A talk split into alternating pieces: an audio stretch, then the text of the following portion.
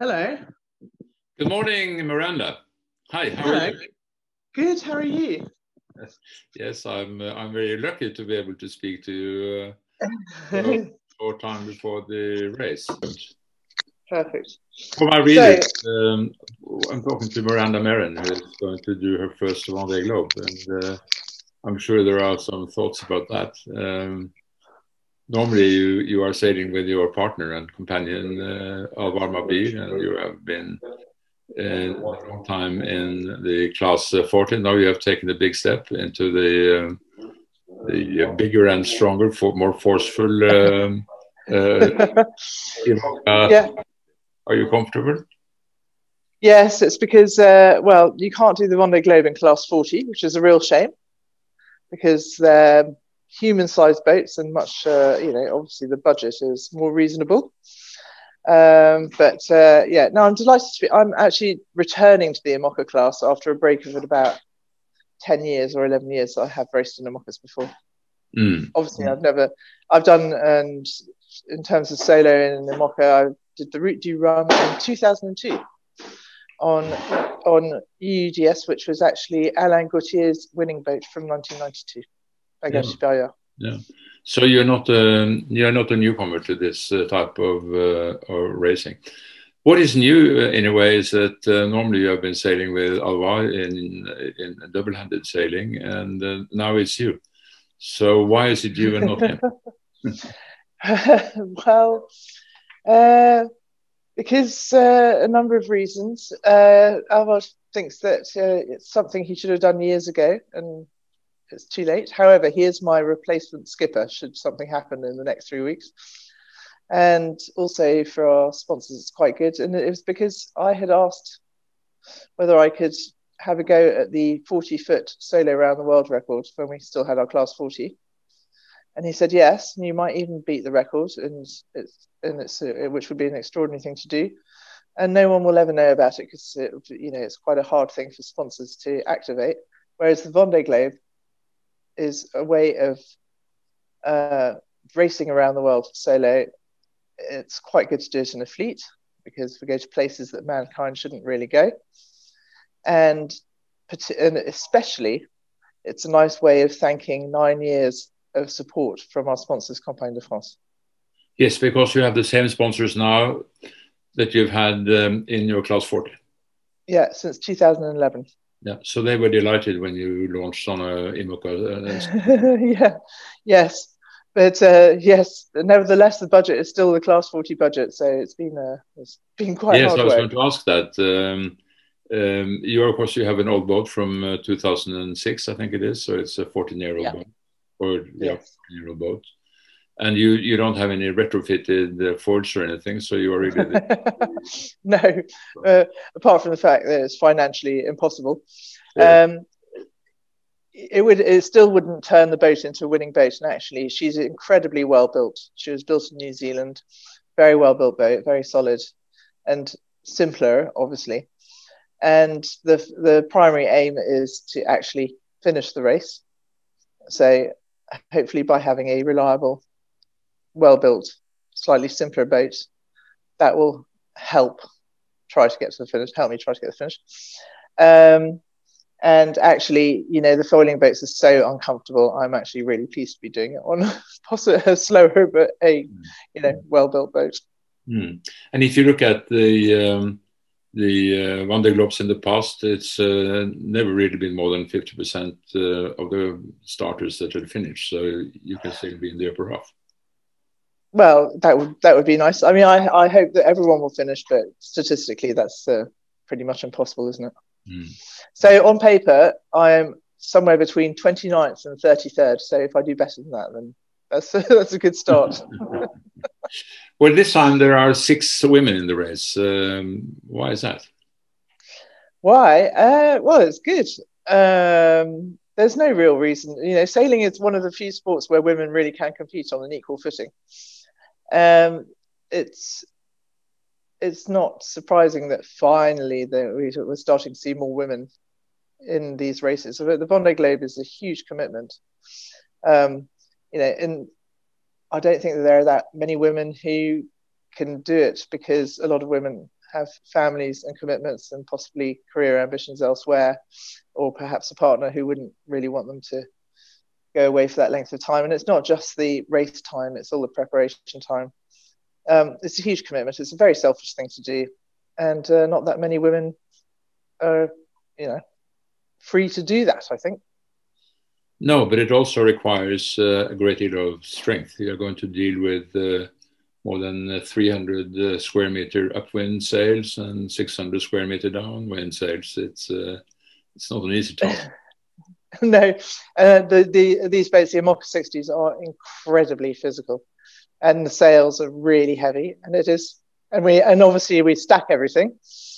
Um, uh, so that's probably about 500 kilos of kit to move around every time the wind changes or you tack or you jibe. Mm. Um, yes, it's hard work, but uh, it's a lot of mind over matter as well. So are you saying that you you have less furlers than the more modern boats?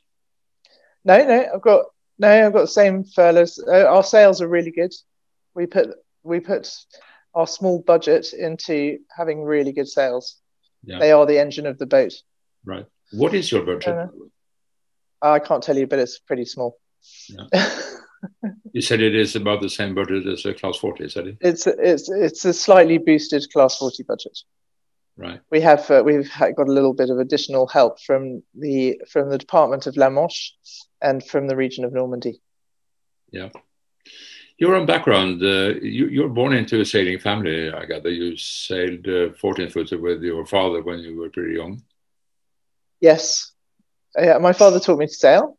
Yeah. And we first crossed the Atlantic when I was nine because my parents had bought um, an old uh, uh, ocean racer in uh, when I was about seven, I think, seven or eight, when we lived in Canada. And when my father's job took him to England when I was nine, we sailed the boat across the Atlantic. and yeah. then when his job took him to Puerto Rico when I was 12, we sailed the boat to Puerto Rico across the Atlantic again. right. But then you had a rather civil life as a person in uh, advertising before you went into sailing full time. Uh, it's always good to have a to to not rely just on sailing. Um, actually, I had a good job in advertising. I spent four happy years working in advertising, but then I did I did really want to go sailing, and I had no idea it was possible to become a professional sailor in in the racing world. But I, you know, I was more aiming for the charter industry. Yeah. But uh, I, in those days, you walk the dock to get rides on boats, and that's precisely what I did. And I ended up on a good boat in the states. We won an event. We won Key West. So the owner invited me back for the next event in Miami a few weeks later. We won that too, mm. not because of me, because the team was good. And um, well, the following year I was boat captain of that boat, and uh, you know, and in sailing it's a lot about this is long before mobile phones or anything like that. It was all about you know, meeting people, talking to them in the beer tent, um, and making friends, and and that's how I was getting my rides. And here I am, 25 years later, about to set off on the biggest adventure of my life. Mm, exactly, and you are sort of merged into the French. Uh, uh, philosophy and traditions of uh, short-handed uh, sailing um, you are British by by uh, nationality, but uh, yes. you, have been living in Paris since you were very young, and uh, now, of course, uh, Halvard, who's a full-fledged Frenchman, is your partner. Yes, yeah, he's Norman. Actually, I think he'd be insulted if you called him French. oh, really? yeah. And uh, well, I I still well not this year because it's been harder to travel, but I do still share my time between um, my home in England and and France. Um, since it's literally just across the channel. When we had the class 40, we used to just commute backwards and forwards, and I'd go and collect my post. And you know, mm. it's harder with the 60 to do that. Mm. Um, the but really, what happened was in 1999 with Emma Richards. Uh, I raced with Emma Richards on an Open 50 sponsored by Pindar in the Jacques Vabre in 1999, and we discovered the incredible world of short-handed racing and once you've tasted it you never look back obviously it's much harder work because you have to be able to do everything and you sleep a lot less than on a fully crewed boat but it is so satisfying and it's so much fun. And mm. I've never really looked back. What kind of training do you do other than just sailing?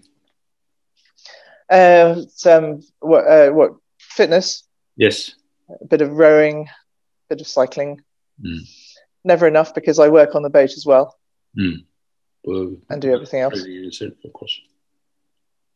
You know, I'm I'm quite jealous of some of my uh, fellow skippers who's who all they have to do is you know look after their fitness and study the weather and you know put their gloves on when they get on the boat to go training.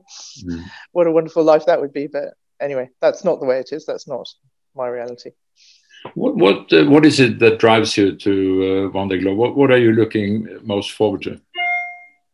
What am I most looking forward to? Oh, all of it. I think. What I'm actually dreading is the start, because I'm worried about a collision with there's so many boats on the water. I imagine I'll feel slightly anxious when I start getting into the south south of the South Atlantic, mm. but I have been down south before. I don't know if that's a good thing or a bad thing. But like all things in life, you forget the bad moments and you just remember the good ones. Right. It's also a challenge uh, to decide how far south you're going to go um, to sail the short no, distance. No, no, because we have uh, we have an ice limit. Yeah. So so we're limited. So actually, the course the course is a bit longer. The course is a bit longer than it used to be. Mm. And you think you're going all the way close to the ice limit? Uh, well, that will depend on what's happening with the weather, but quite likely. Mm. What's the worst thing that could happen in this race? The worst thing? Uh, yeah. To have a techni- technical issue that forces me out of the race. Yeah. You're not afraid of hitting icebergs or growlers or things? Well, that, that the reason for that ice limit is to try and keep us out of uh, out of the ice. Mm, mm. However, there is an awful lot of other stuff in the water that you could hit Yes. It's best not to. It's best not to think about it. Right, containers and whales. Yes. Yes. What um, I mean, what is the most vulnerable parts um, on on an IMOCA 60? You have enormous uh, forces and uh, and uh, things can break. What, what what is the most? Uh, I'd say two things. Two things. One would be a collision with something, hmm. and the other would be uh, Sorry, I'm going to find my charger.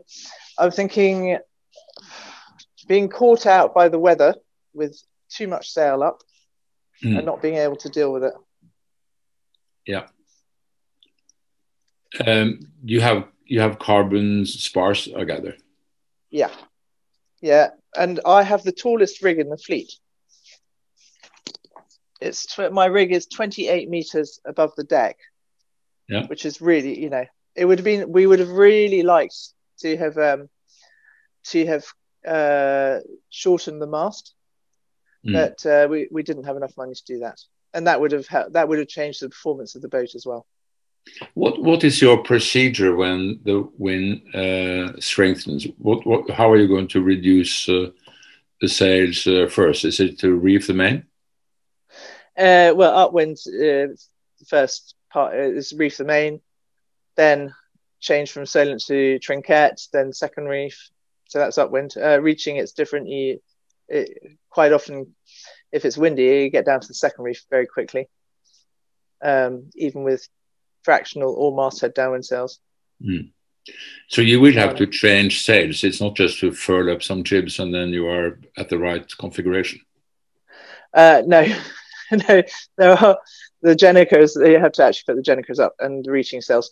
However, we added a second fractional halyard last winter to the mast, so I can in the south have two furling sails that are fractional, one on the bowsprit and one on the bow, both hoisted at the same time, and I can just furl one and unfurl the other. So that's quite nice and safe. With I won't have to go on the foredeck if that's if the conditions are such that it's those heavy weather sails that I'm using. Mm. You said earlier that um, sailing is one of the few sports where um, where men and women can compete on equal uh, level. Um, and and uh, with regard to the enormous uh, strengths uh, uh, or forces in in big sails, uh, nobody can deal with that anyway without the technique. So supposedly, if you have the right technique, right. Yeah, I think I think the I think the real rule is uh, to not get caught out in the first place. Yeah. Really anticipate everything. Mm. Do you think that there are any women who have a chance to do real well? I mean, the podium position. Yeah. Yes, I think Sam Davies has a good chance. Yeah. And Isabelle Isabelle Joschke uh, could do pretty well too. Yeah. Yeah. So in the Vendée Globe, amongst us six women, there are three wealthy teams and three poor teams. Right. Um, Clarisse Crémer has also got a really good boat. She she has a foiling a non-foiling boat, but it is by far the best non-foiling boat. So I expect those three to do reasonably well. But I think I think Sam Davies and Isabelle Joschke could do really good things. Uh, this year is a record uh, participation of the 33 uh, entries. Why is it that um, the Vendée Globe has such a huge success in attracting uh, teams uh, more than any other uh, sort of big ocean racing regatta, it seems? Well, in the Route du Rhum, we were 53 class 40s last time, so that was even more. yeah. yeah. um, um, why? Because uh, it is quite simply, I think it is possibly the hardest race, mm. and you know the absolute pinnacle of anyone in shorthanded racing's career is mm. to hmm. do the Vendée Globe. Mm. So competition for places is quite tight, and actually it was supposed to be only thirty boats, and we managed to get it extended to thirty-four because at the time there were about thirty-eight or thirty-nine boats candidates. Mm. But actually, it has ended up being whittled down to 33 for different reasons. So, uh, and and there and there is there simply isn't capacity for more than that in the harbour anyway in Sables especially with boats with a massive foil sticking out the side. Um, and also, it, I suppose from the organizer's point of view, it helps keep it slightly elite as well.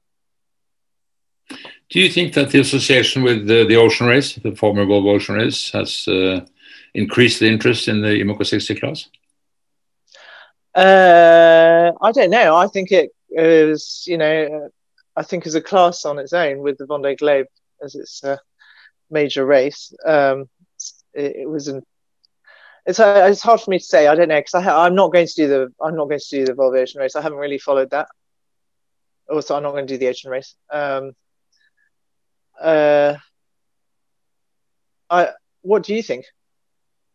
I think perhaps it's the other way around that uh, the IMOCA 60 has uh, increased the interest in the Volvo race or in the ocean race. The ocean race, yeah, possibly, but I'm not quite sure how you fit five people on them.